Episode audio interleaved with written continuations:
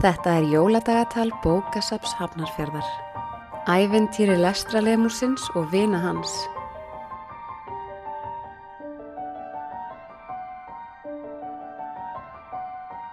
Vinirnir hefjast handa við að kempa hestunum og reyns úr hófunum. Þeir festa reyð tíu á, leggja á teppi og hnakka og finna síðan hjálma sem passa þeim. Hestarnir veit alveg hvert þeir eiga að fara og líta til begja hliða og hlusta vel með snúningseirum sínum áður en þeir fara yfir götuna.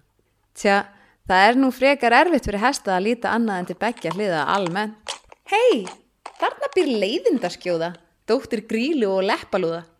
Við gáum henni einu svona kettling, en hann stakk hann af. Hvað ætla við orðið um hann? Álfa sískinin fara enn og aftur að rífast. Nú um það hvert sískina jólasveinana fjekk kettlingin. Kanski þið þurfum að heyra söguna á því þegar snuðra og töðra urðu vinir.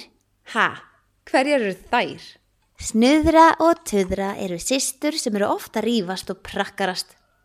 Dageit eru þær svo uppteknar að því að hafa rétt fyrir sér og vinna rifrildi milli sín að önnur þeirra slasast og þarf að fara á spítala. Svo sem eftir stendur verður áhyggjufull og lærir að það skiptir ekki máli hverju fyrstur eða bestur eða hvor hefur rétt fyrir sér. Það skiptir bara máli að hugsa vel um þá sem manni þykir væntum. En það er bara ekki, það er ekki alltaf auðvelt að koma rétt fram með svona, svona stundum sko. Lífið er lærdómur elskan mín um að gera að njóta hans. Sískinin hugsa þetta vel.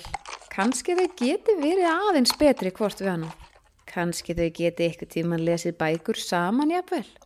Best að finna þetta bókasapn.